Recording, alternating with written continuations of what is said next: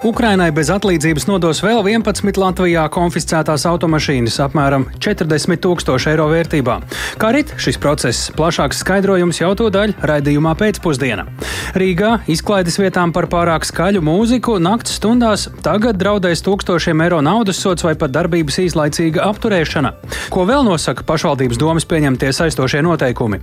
Divi galvaspilsētas futbola klubi šodien sāk UEFA konferences līgas kvalifikāciju. Arī par to plašāk plašāk redzējumā pēcpusdienā kopā ar mani Tāli Eipuru.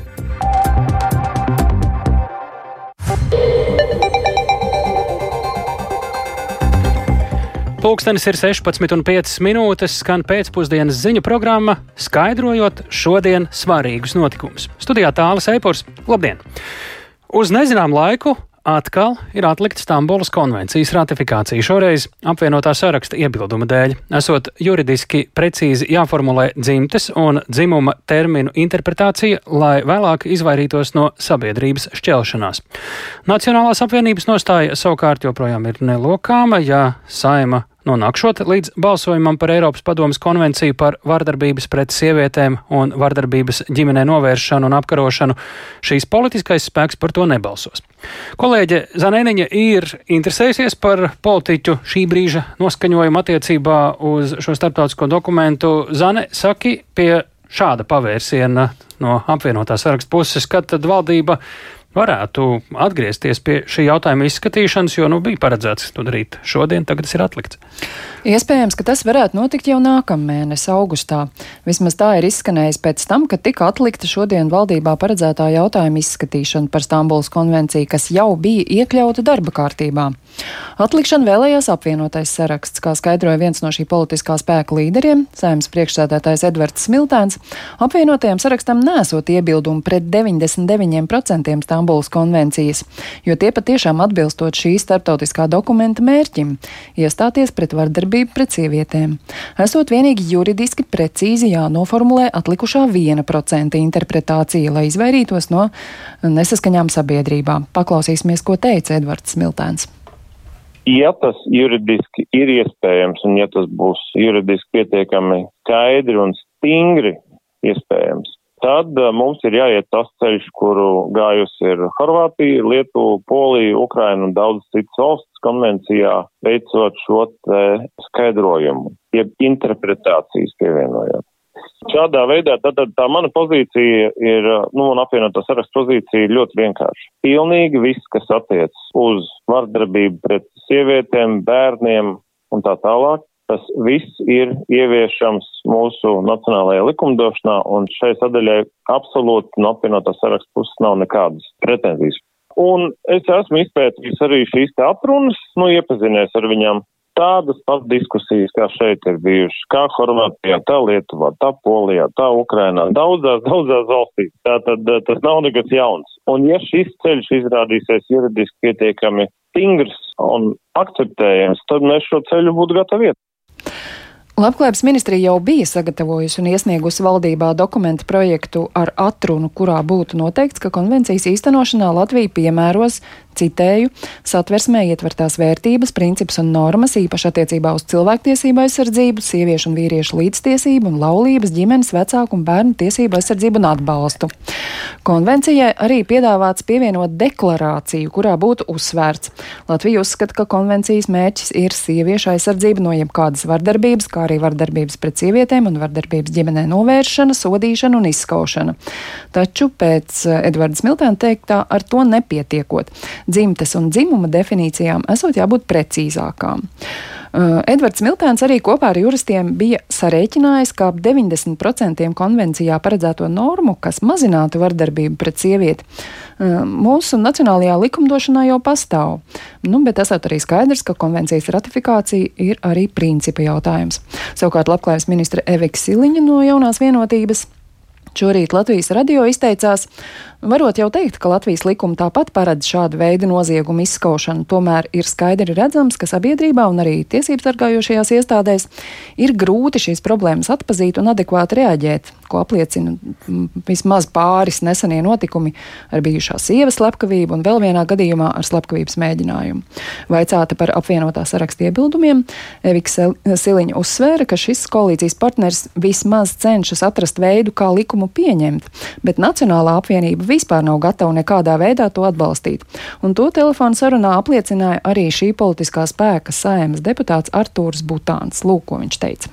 Nacionāla apvienība pie savas pozīcijas paliek, un ja tomēr dienas kārtībā nonāks līdz balsojumam par Stambuls konvenciju, tad mēs arī šādā balsojumā noteikti Stambuls konvenciju neatbalstīsim un atbalstīsim šo te virzienu, kas būtu bez ideoloģijas, bet kas būtu atsevišķi likuma projekts nostiprināt tieši šī te vardarbības izskaušana.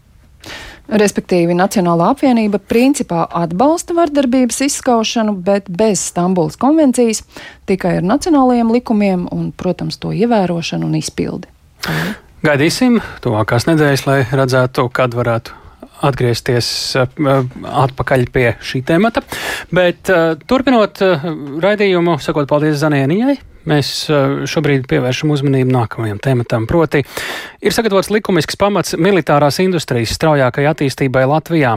Citiem vārdiem, valdība ir atbalstījusi aizsardzības industrijas likuma projektu.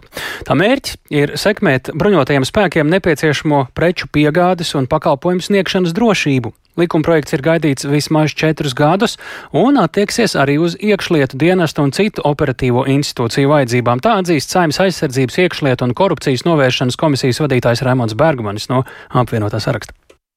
Tas ir vienkārši radīt to iespēju vispār attīstīt eh, militāro industriju šeit valstī, jo mēs paši varētu tiešām kaut ko ražot, un mēs ražojam, bet tam nebija tāda likumiskās bāzes. Papildus vēl secinājums, kas bija pandēmijas laikā, kad šīs piegāžu ķēdes tika pārtrauktas un mainītas. Tam ir par pamatu, piemēram, arī tas, ka šobrīd jau ir pieņemts lēmums par stratēģiskajām degvielas rezerves uzglabāšanu mūsu valstī. Nu, tie ir visi secinājumi no tām lietām, kas mums ir bijušas. Un iespējams, ka šis atsevišķais militārās industrijas likums eh, ļaus daudz straujāk attīstīties dažādām ražošanām, ne tikai priekš Latvijas armijas daudz un dažādas lietas ir, kas ir zem šī plāstera, un uh, viņas jau var piegādāt gan robežsargiem, gan valsts ugunsdzēsības glābšanas dienestam, gan policijai. Nu, daudzas lietas, gan iespējams pat neatliekamās medicīniskās palīdzības dienestam, da jebkur. Un uh, pat industrija mums pietiekoši strauji attīstās jau. Un mums ir ko piedāvāt ne tikai šeit pašiem sev Latvijā, bet arī citiem. Un man liekas, ka tā būs tāda nākošo gadu ļoti, ļoti nopietnā izaicinājuma. Munīciju un daudz citas lietas, kur mēs, es domāju, arī mēs paši šeit Latvijā spētu ražot. Un šis likums droši vien vēl varētu palīdzēt to straujāk attīstīt. Tā Raimons Bergmanis, viņa vadītā aizsardzības, viņa vadītā komisija aizsardzības industrijas likuma projektam pievērsīsies pēc vasaras pārtraukuma. Par drošību arī turpinām. Ukrainai bez atlīdzības nodos vēl 11 Latvijas konfiscētās, Latvijā konfiscētās automašīnas. Tā šodien ir lēmusi valdība. Automašīnas vedīs Ukrainas Hersonas pilsētas militārajai pārvaldei, Ukrainas aizsardzības ministrijai, Mikolājevas apgabala, Arbuzinskas ciema padomē, Ukrainas militārās medicīnas akadēmijai, valsts robežsardzes dienestam. Ukrainai nododamo 11 transporta līdzekļu kopējā provizoriskā tirgus vērtība ir ap 40 tūkstošiem eiro. Šobrīd mēs esam sazinājušies ar valsts ieņēmuma dienesta, finanšu pārvaldes iepirkumu un valstī piekritīgās mantas daļas vadītāju Ināru Solosteju. Labdien! Labdien! Cik liela daļa eh, šie 11 auto ir no vispār dzērāju šoferiem atņemtajiem, jo es pieļauju, ka ne jau visi dzērāju šoferiem atņemtie ir derīgi vai kā citādi nonāk līdz Ukrainai tieši?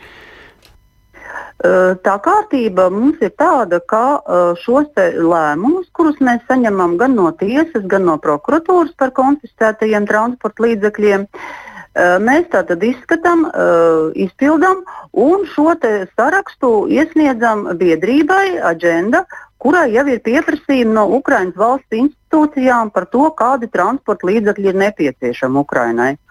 Un tad biedrība izskata, un mēs saprotam, par kuriem transporta līdzekļiem tad tiek gatavots ministra kabineta rīkojums un iesniegts ministra kabineta sēdē e, apstiprināšanai.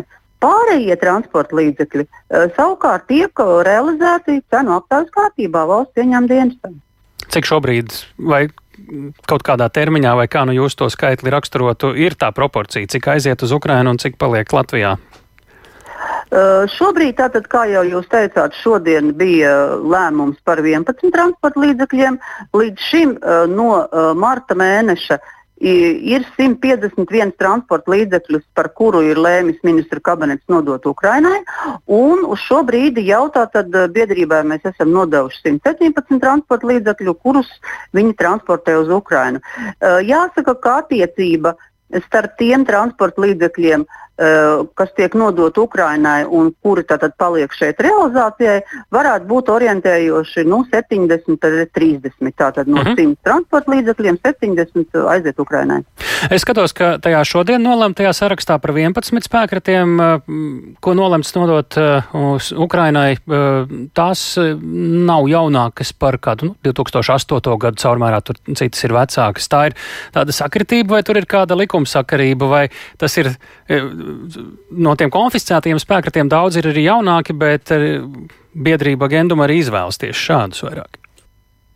Eh, no konfiscētiem transporta līdzekļiem tātad vecākais transporta līdzeklis, kurš ir, kurš ir bijis, ir bijis 1989. gada, savukārt jaunākais 2022. gada, bet vidēji šie transporta līdzekļi, kas tiek konfiscēti, ir 2003, 5, nu, 6, 7. Nu, tie ir tie uh, gadi ražošanas tiem transporta līdzekļiem, kas pamatā tiek konfiscēti. Un Jā. tad jau attiecībā pēc tā, kāds ir šis tehniskais stāvoklis un piemērotība šiem pieprasījumiem no Ukrainas, tad biedrība arī viņus skata un izvērtē. Jā, apskatās pat reāli klātienē Jā, un pasaka, protams. šis ir tas un šis arī brauc uz Ukrainu, ja, ja iespējams. Ja? Un tad arī sanāk, ka nevis valsts, bet biedrība Gendum tad gādā arī par tiem tehniskajiem pielabojumiem, kas ir vajadzīgi, ja tādi ir vajadzīgi pirms braukšanas uz Ukrainu. Tā? Tieši tā, mēs tātad nododam valsts ieņēmuma dienas ar pieņemšanas nodošanas aktu nododam biedrībai, tālāk biedrība veic tos tehniskos uzlabojumus, kur ir nepieciešami, nu, un veic tālākās darbības, lai transportētu un nodot tieši tur, kur viņi ir nepieciešami. Motocikli, traktori, ne tikai vieglie autobusiņi vai mikroautobusiņi, ir arī tādi dienas kārtībā, kur notiek spriešana sūtīt uz Ukrajinu vai ne pie konfiscētiem. Eh, likumā, tātad eh, pār Ukraiņas civiliedzīvotāju atbalsta likumā, ir pateikts, ka var ziedot konfiscētos transporta līdzekļus. Līdz ar to bez automašīnām tur varētu būt arī traktori un, un, un motocikli, bet līdz šim traktors nav bijis neviens un arī motocikls nu, varbūt viens ir bijis vai divi. 99% gadījumu tie ir, tās ir vieglās automašīnas. Labi, un tālāk, ja mazāk par Ukrainu, vairāk tieši par jau šiem konfiscētiem auto, kur paliek Latvijā, kur viņi nonākuši līdz šim ir pārsvarā. Pēc tam, kad uh, viss process ir nofiksēts un viņš ir konfiscētais auto, kas meklē savu turpmāko dzīvi. Tātad visi konfiscētie transporta līdzekļi Eh, saskaņā ar lēmumiem nonāk izpildē valsts ieņemdienestam. Ja tātad Ukrainas biedrība nodošanai Ukrainā neizvēlas šos transporta līdzekļus, tad valsts ieņemdienas veic cenu aptauju un realizē šos transporta līdzekļus Eh, šīs cenu aptaujas uzaicinājums var redzēt valsts ieņēmuma dienas mājaslapā. Tātad tie uh, cilvēki, kur vēlas viņus iegādāties, iesniedz savus cenu piedāvājumus, mēs vērtējam, un tas, kas ir visizdevīgākais tirgus piedāvājums, uh, tam arī tas automašīna tiek realizēta. Paldies par sarunu. To mēs sakām Inārai Solostejai, valsts cieņām dienesta finanšu pārvaldes iepirkuma un valstī piekritīgās mantas daļas vadītājai. Tātad šodien valdība lēmusi bez atlīdzības Ukrainai nodot vēl 11 Latvijā konfiscētās automašīnas. Par Ukrainu, bet tepat Latvijā arī turpinot, jau 22. darba birža šodien notikusi Rīgas atbalsta centrā Ukrainas iedzīvotājiem, lai palīdzētu bēgļiem no Ukrainas atrast darbu. Vairāki uzņēmumi piedāvā darbu visdažādākajās jomās. Par to, cik darba birža ir gan Ukraiņu, gan uzņēmēju pieprasīta, kā tas notiek un cik viegli ir atrast darbu vai atrast darbinieku šādā biržā, klausāmies Agnijas Lāsdiņas reportāžā. 45 gadus vecā Lilija kopā ar savu 17-gadīgo meitu Marinu Latvijā ieradās pirms četriem mēnešiem. Sākotnēji abas dzīvojušas Ludzā, un kamēr meita mācījusies, Lilija strādājusi kādā kafejnīcā. Taču, lai gūtu lielākas iespējas, tagad abas pārvākušās uz Rīgu, tāpēc arī Lilija šodien ieradusies darba biežā. Ukrainā man bija sava saimniecība.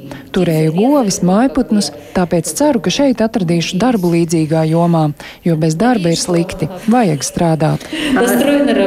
Kā stāsta Rīgas atbalsta centra Ukrainas iedzīvotājiem vadītājs Pēteris Grūbe, darba birža tiek rīkota reizi mēnesī, un pieprasījums ir liels. Parasti uz tām ierodas aptuveni 200 līdz 300 cilvēku, un darbu tajās esot atraduši jau vairāki simti ukraiņu, savukārt piedāvāts no darba devēju puses vairāk nekā 2000 vakanču. Lai darbu iegūtu, cilvēks ierodas atbalsta centrā, izvēlas sev piemēroto vakanci, un tad turpat uz vietas tiekas ar konkrēto darba devēju, lai runātu par tālākajiem nosacījumiem. Darba biržā ierodas ukraiņi no visādām vecuma grupām, tostarp pārstāvot dažādas nozares. Arī iemesli meklēt darbu atšķiras. Kāds to dara atkārtoti, kāds pirmo reizi. Gadās, ka darba devēja atrod piecus, sešus darbiniekus ar reizi. Tā Pēteris Grūbe. Mums ir bijuši ļoti daudz un dažādi gadījumi. Ir daži bijuši pat smieklīgāki, kad autoserviss meklē divus automehāniķus. Pie tā galdiņa šīs autoserviss sēdēja burtiski 5 minūtes, jo 5 minūšu laikā viņam bija trīs automehāniķi pie sāniem, kur aizbrauca jau skatīties to darba vietu. Bija viens rūpniecības uzņēmums, kurš meklēja rūpniecības tehnologu augstas kvalifikācijas, kur Latvijā nebija varējis atrast gadu. Tad viņam atnāca trīs kandidāti, pieteicās vienā darba biržā. Šoreiz darba biržā septiņi uzņēmumi piedāvāja aptuveni aptuveni 140 vakances. Tie ir dažādi uzņēmumi gan no tirzniecības, gan medicīnas, gan citām jomām. MFD veselības centra dziedniecība izpildirektora Inese Volka stāsta, ka uzņēmums darba biržā piedalās jau trešo reizi, meklējot dažāda veida speciālistus, ārstus un medmāsas. Ja cilvēks vēlas strādāt, viņš ir nokārtojis visas šīs formalitātes, kas saistās ar viņa diplomu atzīšanu un tā tālāk, tad neteiksim viegli, bet ir iespēja iekļauties darba vidē un sākt strādāt. Mums ir tieši no darba biržas Lors, kas strādā pārdaugos filiālē veiksmīgi. Tāpat tās kopumā mums strādā vairāk kā pieci Ukraiņas iedzīvotāji dažādās specialitātēs. Arī Ukrainieti Lilija pēc darba biržas apmeklējuma ir atradusi sev piemēroto vakanci un nu norunājusi tikšanos jau uzņēmumā. Nu, как, я завтра, я записалась, поеду еще посмотрю Forever. Pierakstījos, sarunāju, rīt došos uz gaļas pārstrādes kombinātu Forevers. Ja kaut kas nesanāks, tad meklēšu darbu darbu citur, bet nu ļoti ceru, ka man paveiksies, jo tas gaļas kombināts man kaut kā ir tuvāk. Veiksmīgi aizpildīt brīvās vakances pēdējās darba biržās esot izdevies dažādiem medicīnas uzņēmumiem, tostarp veselības un aprūpes centriem, kur šobrīd ir jau vairāki desmit ukraiņu nodarbinātie. Agnija Lazdiņa, Latvijas radio. Tikmēr Ukrainā 505. dienu notiek Krievijas sāktais pilna apmēra karš. Frontē turpinās Ukrainas aizstāvju centieni atkarot okupētās teritorijas. Ukrainas militāra personas ir apstiprinājušas, ka ASV jau ir piegādājusi pretrunīgi vērtēto kasešu munīciju, bet valsts galvaspilsēta Kijava atkopjas pēc pagājušajā naktī notikušajiem plašajiem Krievu dronu uzbrukumiem. Vairāk klausāmies Ulda Ķēzberes ižitā. Ukrainas austrumos un dienvidu austrumos vairāk nekā mēnesi turpinās Ukrainas karaspēka pretuzbrukuma operācijas. Ukrainas bruņoto spēku austrumu grupējuma pārstāvis Serhijas Čerevatīs šodien paziņoja, ka smagas cīņas norisinās frontes sektorā Limānas Kupjanskas virzienā Donetskas apgabalā. Tur Krievija pārsviež papildu karaspēka vienības un masveidīgi apšauda Ukrainas aizstāvjus. Pēdējās diennakts laikā Krievija šajā frontes sektorā Ukraiņu karavīru pozīcijas ir apšaudījusi vismaz 665 reizes. Ir notikuši arī vairāki mēģinājumi izlausties cauri Ukrainas armijas pozīcijām, taču tie nav bijuši sekmīgi. Savukārt Ukrainas armijas brigādes ģenerālis Oleksandrs Tarnavskis intervijā telekanālam CNN ir paziņojis, ka Ukraina no ASV ir saņēmusi kasešu munīciju, par kuras piešķiršanu Ukraiņiem pagājušajā nedēļā paziņoja ASV prezidents Joe Biidens. Tarnavskis sacīja, ka pagaidām Ukrainas karaspēks šo munīciju nav izmantojis, bet norādīja, ka tā var radikāli izmainīt kara darbības gaitu. Ģenerālis piebilda, ka Ukrainas militārā vadība ļoti rūpīgi izvērtēs, kur izmantot kasešu munīciju. Krievija turpina apšaudīt Ukrainas pilsētas, kas atrodas tālu no frontes. Ukrainas galvaspilsēta Kīva trešo nakti pēc kārtas piedzīvoja Krievijas uzbrukumus ar Irānas piegādātajiem droniem kamikadzēm Shahed. Šoreiz ienaidnieki uz pilsētu raidīja 20 dronus, bet tos visus neutralizēja pretgaisa aizsardzības sistēmas. Taču dronu atlūzas trāpīja vairākām daudzstāvu dzīvojamām ēkām, radot nopietnus postījumus un ievainojot vismaz četrus civiliedzīvotājus. Kopš pilna apmēra kara sākuma Ukraina aktīvi atbrīvojas no padomju laika simboliem, kas joprojām ir redzami publiskās vietās daudzviet visā valstī. Ukrainas valsts arhitektūras un pilsētplānošanas inspekcija šodien izsniedza atļauju remontēt slaveno mātes dzimtenes statuju Kīvā. Uz tās vairoga joprojām ir redzams milzīgs padomju savienības ģērbonis, bet to ir plānots nomainīt pret trīs zobi, kas ir redzams Ukrainas ģērbonī. Uldis Česberis, Latvijas radio. Jāpiebilst, ka Eiropas parlamentā šodien nolems palielināt Eiropas Savienības munīcijas un raķešu ražošanas jaudu, lai risinātu ieroču trūkumu. Jaunā likuma mērķis ir ieviest dažādus pasākumus, tostarp 500 miljonu eiro finansējumu šim nolūkam. Panākts arī, ka mazajiem un vidējiem uzņēmumiem piemēros augstāku finansējuma likmi ražošanā, kā arī piedomāts, lai dalībvalstis šādu munīciju varētu piegādāt Ukrainai un uz to neatiektos eksporta ierobežojumi. Karš Ukrainā un ekonomiskā sadarbība ir galvenie temati, kas šodien apspriesti arī Eiropas Savienības un Japānas līderu samitā Briselē. Gan Japāna, gan Eiropas valstis vēlas samazināt savu atkarību no Ķīnas piegādātajām izaivielām, it sevišķi zaļo un digitālo tehnoloģiju jomā. Tāpat abas puses ir satrauktas par Pekinas sadarbību ar Maskavu.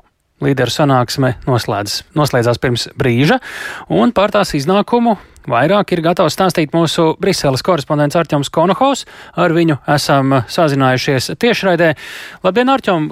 Karš Ukrainā ir ietekmējis ļoti daudz ko, un visticamāk arī Japānas un Eiropas Savienības sadarbību. Kā tu teiktu, cik būtiski, kādā veidā? Labdien, tālu, labdien, klausītāji! Es teiktu, ka tiešām tas ir būtiski ietekmējis eh, sadarbību, jo Japāna ir demokrātiska valsts un tā ir arī G7 valsts. Tad, tad viņi spēlē arī pietiekami lielu lomu starptautiski, un mēs zinām, ka a, tieši G7 valstis ir a, sniegušas drošības garantijas Ukrainai. Tad, tad Japāna piedalās visnotaļ cieši šajos procesos. Viņi, protams, ir ieviesuši arī sankcijas, un viņiem pavisam tuvu ir Ķīna, kas, kā jau mēs esam norādījuši, visnotaļ cieši sadarbojas ar Maskavu un nevēlas nosodīt, nosodīt um, Krievijas uh, uzsākto karu pret Ukrainu. Viņiem arī tas, lai gan Japāna ir pietiekami tālu, viņi, manuprāt, izjūt pietiekami cieši arī šo konfliktu un tā iespējamās sekas arī uz viņu drošību. Un te jāpiebilst arī kaut vai fakts, ka uh, tomēr tādas valstis kā Japāna un arī Austrālija, Jaunzēlande, viņu vadība piedalās tagad uh, jau otro gadu pēc kārtas arī NATO sanāksmēs, un šoreiz tas ir bijis Viļņā. Tieši tāpēc Japānas un Eiropas Savienības samits notiek šodien Briselē, tāpēc ka Japānas līderis ir bijis jau Eiropā un bija praktiski ērti šo visu sarīkot tieši tagad, bet nu, tas parāda arī to, ka šie jautājumi ir visnotaļ cieši saistīti. Jā, Japānas un Eiropas Savienības sanāksmē ir nolemts arī uh, atļaut uh, atkal importēt Eiropā pārtiku no Fukushimas reģiona. Tas ir uh, šis reģions, kur bija atomreaktors avarējušais, joprojām tas tur atrodas. Kādēļ šāds lēmums tagad ir pieņemts? Jā, šis ir viens no tādiem praktiskiem lēmumiem, kas ir kas eh, ir pieņemts šajā, eh, šajā tikšanās reizē, un tas ir pieņemts šobrīd balstoties uz zinātnieku atzinumu, ka radiācijas līmenis ir samazinājies pietiekami, lai varētu pārtiku no šī reģiona sākt atkal eksportēt arī uz Eiropu. Un vairāk kārt gan Japānas premjers Fumio Kishida, gan arī Eiropadomas priekšsēdētājs Šārls Mišels un arī, protams, Eiropas komisijas vadītāja Urzula Fonderleina, tie tie trīs cilvēki, kas šodien tikās šajā šajā samitā atkārtoja, ka tas ir balstīts uz zinātnieku atzinumiem, tas ir visnotaļ izvērtēts un ir pārdomāts, un uh, tas tiešām nerada nekādas, uh, droš, nekādas drošības uh, jautājumus uh, vai kādu, kādu bīstamību Eiropas patērētājiem. Un, protams, tajā pašā laikā Eiropa vēlas, lai arī Japāna atvieglotu mūsu dažādu lauksaimniecības preču un pārtikas preču uh, nonākšanu Japānas tirgū. Tā kā arī šeit ir, protams, arī Eiropas tādas uh, praktiskās intereses.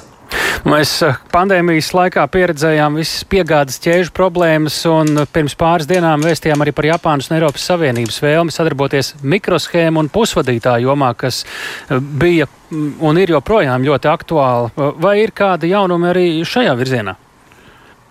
Neapšaubāmi mikroshēmas un pusvadītāji šobrīd ir viens no aktuālākajiem tematiem. Par to tiek runāts gan Vašingtonā, gan uh, Briselē, gan arī daudz kur, daudz kur citur, un tostarp arī šajā Japānas samitā, jo, protams, kā norādīja Ursula von der Leyena, gan Japāna, gan Eiropas Savienība ir līdzīgi atkarīgas no uh, Ķīnas piegādēm, no tā, ka tieši ļoti daudzas izaivielas, kas ir nepieciešamas mikroshēmu un mikroshēmu ražošanai, nāk no Ķīnas, un Ķīna, tad, tad jau šobrīd mēs zinām, ka rēģējot uz neseno lēmumu no Nīderlandes, ASV un arī Japānas ierobežot atsevišķu mikroshēmu ražošanas iekārtu piegāde Ķīnai, ir lēmusi ierobežot savukārt piegādi galiem un germāniem. Un tās divas vielas, kas ir ārkārtīgi nepieciešamas un svarīgas gan mikroshēmām, gan arī dažādām citām jaunām tehnoloģijām. Un šobrīd tiek domāts, kādā veidā um, risināt šo situāciju, kāda sektora tiešām ir apdraudēta un kas vēl pasaulē varētu piegādāt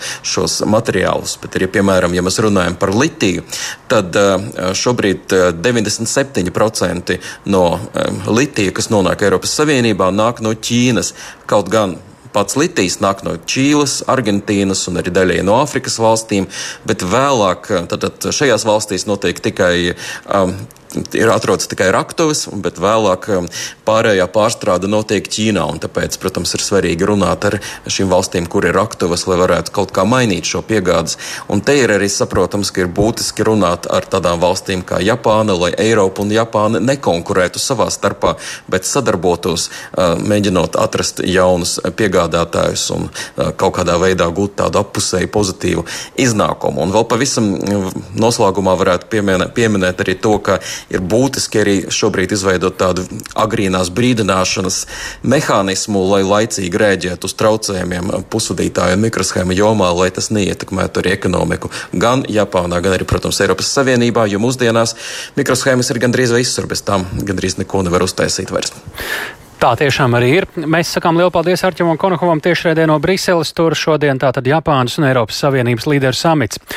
Bet Rīga varētu kļūt mazāk trokšņaina. Pašvaldības doma lēmusi, ka policija varēs stingrāk ierobežot ārā kafejnīcas, kur skan skaļa mūzika. Bāru asociācijā gan uzskata, ka šīs izmaiņas biznesu var ietekmēt ļoti negatīvi. Vairāk Viktora Demidova ierakstā. Lai ārā kafejnīcās atskaņotā skaļā mūzika iedzīvotājiem netraucētu, Rīgas doma nolēmusi, ka šīs atpūtas vietas pašvaldības policija varēs kontrolēt stingrāk. Pārkāpuma gadījumā pašvaldības likumsargi varēs izdot administratīvo aktu, kas paredz uzņēmējiem samazināt mūzikas skaļumu un apturēt ārā terases darbību līdz vienai diennaktī. Ja prasības neņems vērā, fiziskai personai var piemērot sodu līdz 5000 eiro, bet juridiskai personai līdz 10 tūkstošiem eiro. Pašvaldība ārā tirzniecības atļauju var arī anulēt.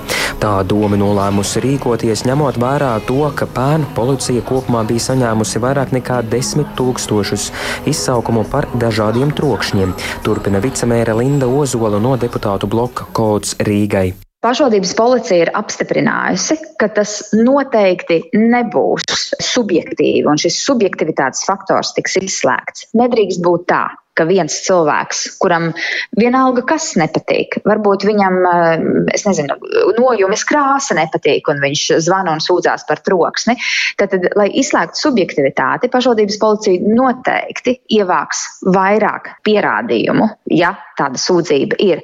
Ar kafejnīcu un bāru skaļo ārā terašu trokšņiem jau ilgi cīnās iniciatīvas Naktsmieru Rīgai autori Māja Krastiņa, kura uzskata, ka doma virzās pareizā virzienā, bet Tagad pieņemtais ir par vāju, lai problēmu atrisinātu. Tā ir tikai viena daļa, ko doma tagad domā risināt, ja, bet nu, iespējams, ka daudz, daudz vienkāršāk būtu vienkārši pateikt, ka no konkrētas stundas terases var turpināt strādāt bez mūzikas, vienkārši vispār bez mūzikas, vai tā būtu ar pastiprinošu vai nepastiprinošu um, iekārtu, nav svarīgi. Ir arī citi iedzīvotāji, kur uzskata, ka terasām vispār vajadzētu vērties ciet pēc konkrēta laika. Nu, ziņā, tie risinājumi un piedāvājumi bija dažādi arī, arī no iedzīvotājiem, bet viņi neviens netika izskatīti. Minētos priekšlikumus doma kopā ar iedzīvotājiem un uzņēmējiem plāno apspriest rudenī. Savukārt pieņemtos noteikumus negatīvi vērtē Latvijas bāru asociācijā, uzsvarot, ka tie biznesu ietekmēs ļoti negatīvi, turpina organizācijas vadītājs Oskars Ikstens nav izstrādāti pieteikoši noteikumi, kā tas tiks reģistrēts, vai tas būs ar skaņas skaļumu mērījumu vai kā citādi. Diemžēl jāsaka, vecīgā populārākais kafejnīcas nosaukums ir izīrēt telpu. Diemžēl vairāk šī sasaukuma Rīgas domas politiķi turpina darīt tā, lai nebūtu uzņēmēja darbība iespējama Rīgā un izklaides pasākumu tiktu nu, nogriezt līdz pēdējiem un, un vēlas, lai mēs atgriežamies padomju laikos, ka nu, 9, 10 jābūt mājās un trokšņot nevajag nekur. Lai nozares biznesu aizstāvētu, asociācija gatava par tiesībām cīnīties. Savukārt, minētos noteikumus vēl jāskata vides aizsardzības un reģionālās attīstības ministrijai, kas atbildi dos mēneša laikā. Viktors Demidovs, Latvijas radio. Lai skaidrotu sauļošanās radīto risku veselībai, stāstītu par piesardzības pasākumiem uzturoties saulē, kā arī kliedētu mītus par sauļošanās kā veselību veicinošu procesu, piemēram, D vitamīnu uzņemšanā, slimību profilaks un kontrols centrs šodien atklāja kampaņu Necepies, izvēlēties dzīvot. Te jāatgādina, ka ik gadu Latvijā no ādas melanomas reāli mirst vidēji 72 cilvēki, bet no citiem ļaundabīgiem ādas audzējiem te ir 60 cilvēki. Vidēji katru gadu arī tiek reģistrēti 215 jauni ādas melanomas gadījumi un 1400 jauni citu ļaundabīgu ādas audzēju gadījumu. Tieši tāpēc, lai atgādinātu pamatus, varbūt arī apgāstu dažu labu mītu, pie mūsu klausulas uz īsu sarunu dermatologs Raimons Kārls. Labdien!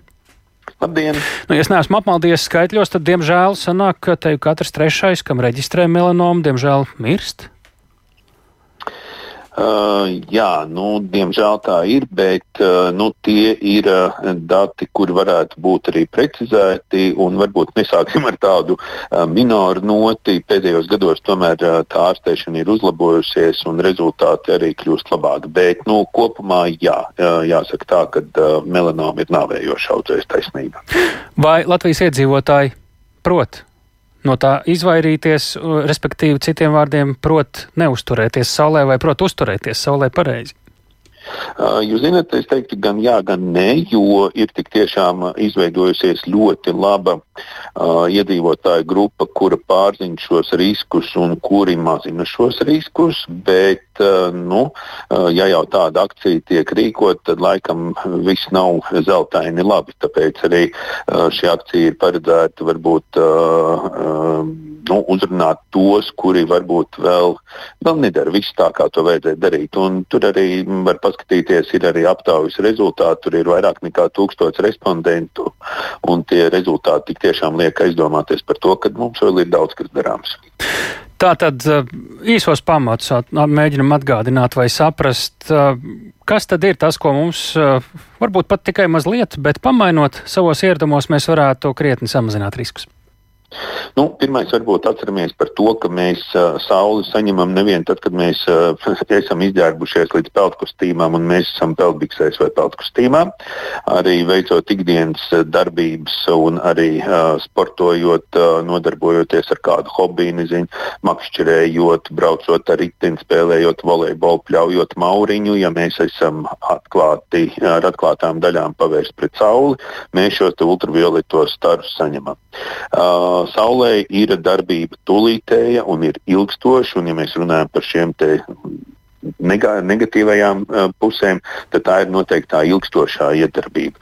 Nu, un tās lietas, kas būtu jāatcerās, ja mēs dodamies saulē, tad izvēlamies to laiku, kad uh, nav maksimālais ultravioleto staru daudzums. Tātad cenšamies savus darbus padarīt tā, lai tas būtu ārpus laika no 10 līdz 4, kad ir maksimālais ultravioletais uh, insolācija. Lietojam galvai. Uh, cepuri, lietojam acīm brilles, jo mūsu aciņas arī cieši no ultravioletiem stariem, un lietojam arī atklātām ķermeņa daļām saules aizsargu līdzekļus. Ja nu pavisam negribās lietot, smērēt uh, kādus aizsargu līdzekļus, tad izvēlamies apģērbu, lai pasargātu savu ādu no kaitīgā ultravioletā iedarbības. Tagad par kādu mītu. Kā tur ir Jā. ar to D vitamīnu? Nu, saka, ka tikai ar pārtiku vien to nav pietiekamā daudzumā iespējams uzņemt Latvijā vienkārši ēdot, jā. Eh, saka, jād vitamīni, nu un saka, ka mums te ir par maz saules, tas tāpēc tā esot citos reģionos esot krietni vien labāk. Citi cilvēki saka, nu es iešu tajā saulē. Izstāstiet, kā tur ir dažos vārdos. Jā, zinat, stāsts par vitamīnu D ir tāpat, ja mēs atradīsimies ar jums pārcelsimies, pārcelsim visu Latviju kaut kur tuvāk ekvatoram, mums arī nebūs pietiekami vitamīnu D daudzums no saules. Kādēļ? Tādēļ, ka uh, D vitamīna Viņš ļoti labi izstrādājās gaišādā, kamēr viņa nav iesauļojusies, bet tiklīdz ir izveidojies iedegums, kas ir kā aizsarga reakcija pret uh, saules staru iedarbību, tā D vitamīna sintēze mūsu ādā samazinās. Un līdz ar to, pat ja mēs visu vasaru pavadīsim nūdistu pludmalē, mēs uh, rudenī varam konstatēt, ka mums ir nepietiekams D vitamīna daudzums. Tāpēc izvēloties šo kompromisu starp riskiem iedzīvoties ādas vēzi un iegūt pietiekamu D vitamīnu, mēs runājam par to, ka ir tik tiešām neveikt cepties un par D vitamīna as, līmeni asinīs ir jāpadomā papildus. Jā, tātad arī uh, suplementējot, tātad bagātinot uzturu ar D vitamīnu arī pat vasaras laikā. Tā ir skaitā izrādās. Lielas paldies! Jo, jo šīs pats D vitamīns arī pasargās arī no tās pašas melanomas, ja viņš būs pietiekamā daudzumā. No, nu, tādi ir tie mīti. Vēl turklāt tā, tā izrādās. Uh, Lielas paldies! Uh, ja vēlaties vairāk un detaļās un dziļāk un ilgāk par šo saprast, tad slimību profilakses kontrols centrs šodien rīkoja par to arī plašāku diskusiju un saites uz to ir pieejams pusotru stundu gara saruna ar ekspertiem un pieejams ir centra sociālajos tīklos eh, dažādos kontos. Mēs sakām lielu paldies Raimondam Kārlam, dermatologam, un šobrīd pievēršamies sportam, futbolam. Sporta karalim. Divi Rīgas futbola klubi šodien sāks savu ceļu UEFA konferences līgas kvalifikācijā. Pirmo maču aizvedot jau pirmajā kārtā. Un viens no klubiem Rīga šobrīd ir Latvijas virslīgas līderi, bet uh, otrajā vietā esošā RFS pērni jau spēlē grupu turnīrā konferences līgā. Lai runātu par abu Rīgas vienību šodienas spēlēm, kā arī Latvijas klubu startu vispār Eiropausos šo sezonu kopumā, studijā pievienojas kolēģis Mārtiņš Kļavnieks. Sveiks, Mārtiņ! Sveiks, tāls, sveicināt klausītājiem! Kur tad katra no Rīgas komandām aizdīs šodien plānotās eh, kvalifikācijas spēles, kas par pretiniekiem, cik tie ir nopietni? Es pašpikoju nedaudz vienā nu, tādā nosacītā futbola klubu rangā, un tad Īslandes klubs, eh, kas ir viens, vienas valsts eh, klubs, ir potenciāli tā kā spēcīgāks izskatījās, bet Maķedonija maķedoniešu papīri varbūt par kādu solīti vājāki. Precizē, lūdzu. Jā, nu īstenībā ļoti precīzi to esi vērojis. Kaut kur skautinga lapā skatījies, kādā futbolā varbūt. Jā, no Rīga komandai tā tad iespēja sākt kvalifikāciju būs tepat mājās, konto stadionā, netālu no Doma laukuma salīdzinoši. Tur citur arī var aiziet. Patīkams vakars, astoņos sāksies šī spēle. Reikjavīks Vikingur būs viņa pretinieki, jā, Islandes čempionāta līdervienības starp citu šobrīd. Un ļoti sens klubs 1908. gadā dibināts dibināts eh, ar ļoti, ļoti ilgu, 115 gadus eh, ilgu vēsturi. Un, eh, jā, ļoti pieredzējis komanda, daudz futbolistu ap 28, 30 gadiem, tā tad liela pieredze. Arī vairāk nekā sezonu spēlējuši kopā. Tas komandas kodols saspēlējušies. Nu, tāds klasisks islandiešu futbols visticamāk būs tādi lauzēji, grauzēji, kuri ļoti fiziski spēlēs, bet vismaz Riga komandas galvenais treneris Tomislavs Stipičs izteicās, ka ir kāda ļoti interesanta nianse nianses, kā viņi spēlē, un ar to ir jātiek galā. Viņš gan plašāk neizstāstīja, bet esot tā, jā. Un RFS savukārt būs jāspēlē izbraukumā. Turnīrs jāsāk pret Skopjas Makedoniju komandu 2500 mm, skatītāju ietilpīgā stadionā, un lielākā problēma viņiem varētu būt nevis pretinieki, bet tieši lielais karstums Maķedonijā. Un tieši Skopjē šobrīd ap plus 40 grādiem pēc Celsijas kalas tur temperatūra iesilusi. Nu, un jā, pus septiņos vakarā šī spēle tad arī sāksies RFS pret Makedoniju.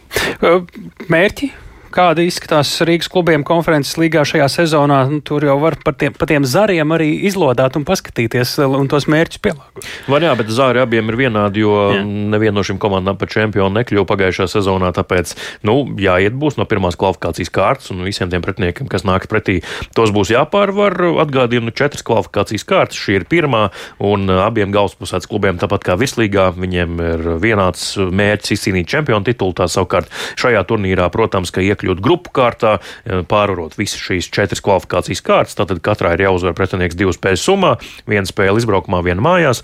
Nu, un eh, te gan jāsaka, ka jā, nu, tie mērķi ir varbūt salīdzinoši atšķirīgi tieši eh, tā mēroga ziņā, ka nu, varbūt katrs no klubiem ir atšķirīgās finansiālās pozīcijās, tāpēc arī tie mērķi vairāk izkristalizējas, kurš tomēr mazliet piedomā par naudu, kurš tomēr tīri par to, ka vēlas sportisko rezultātu.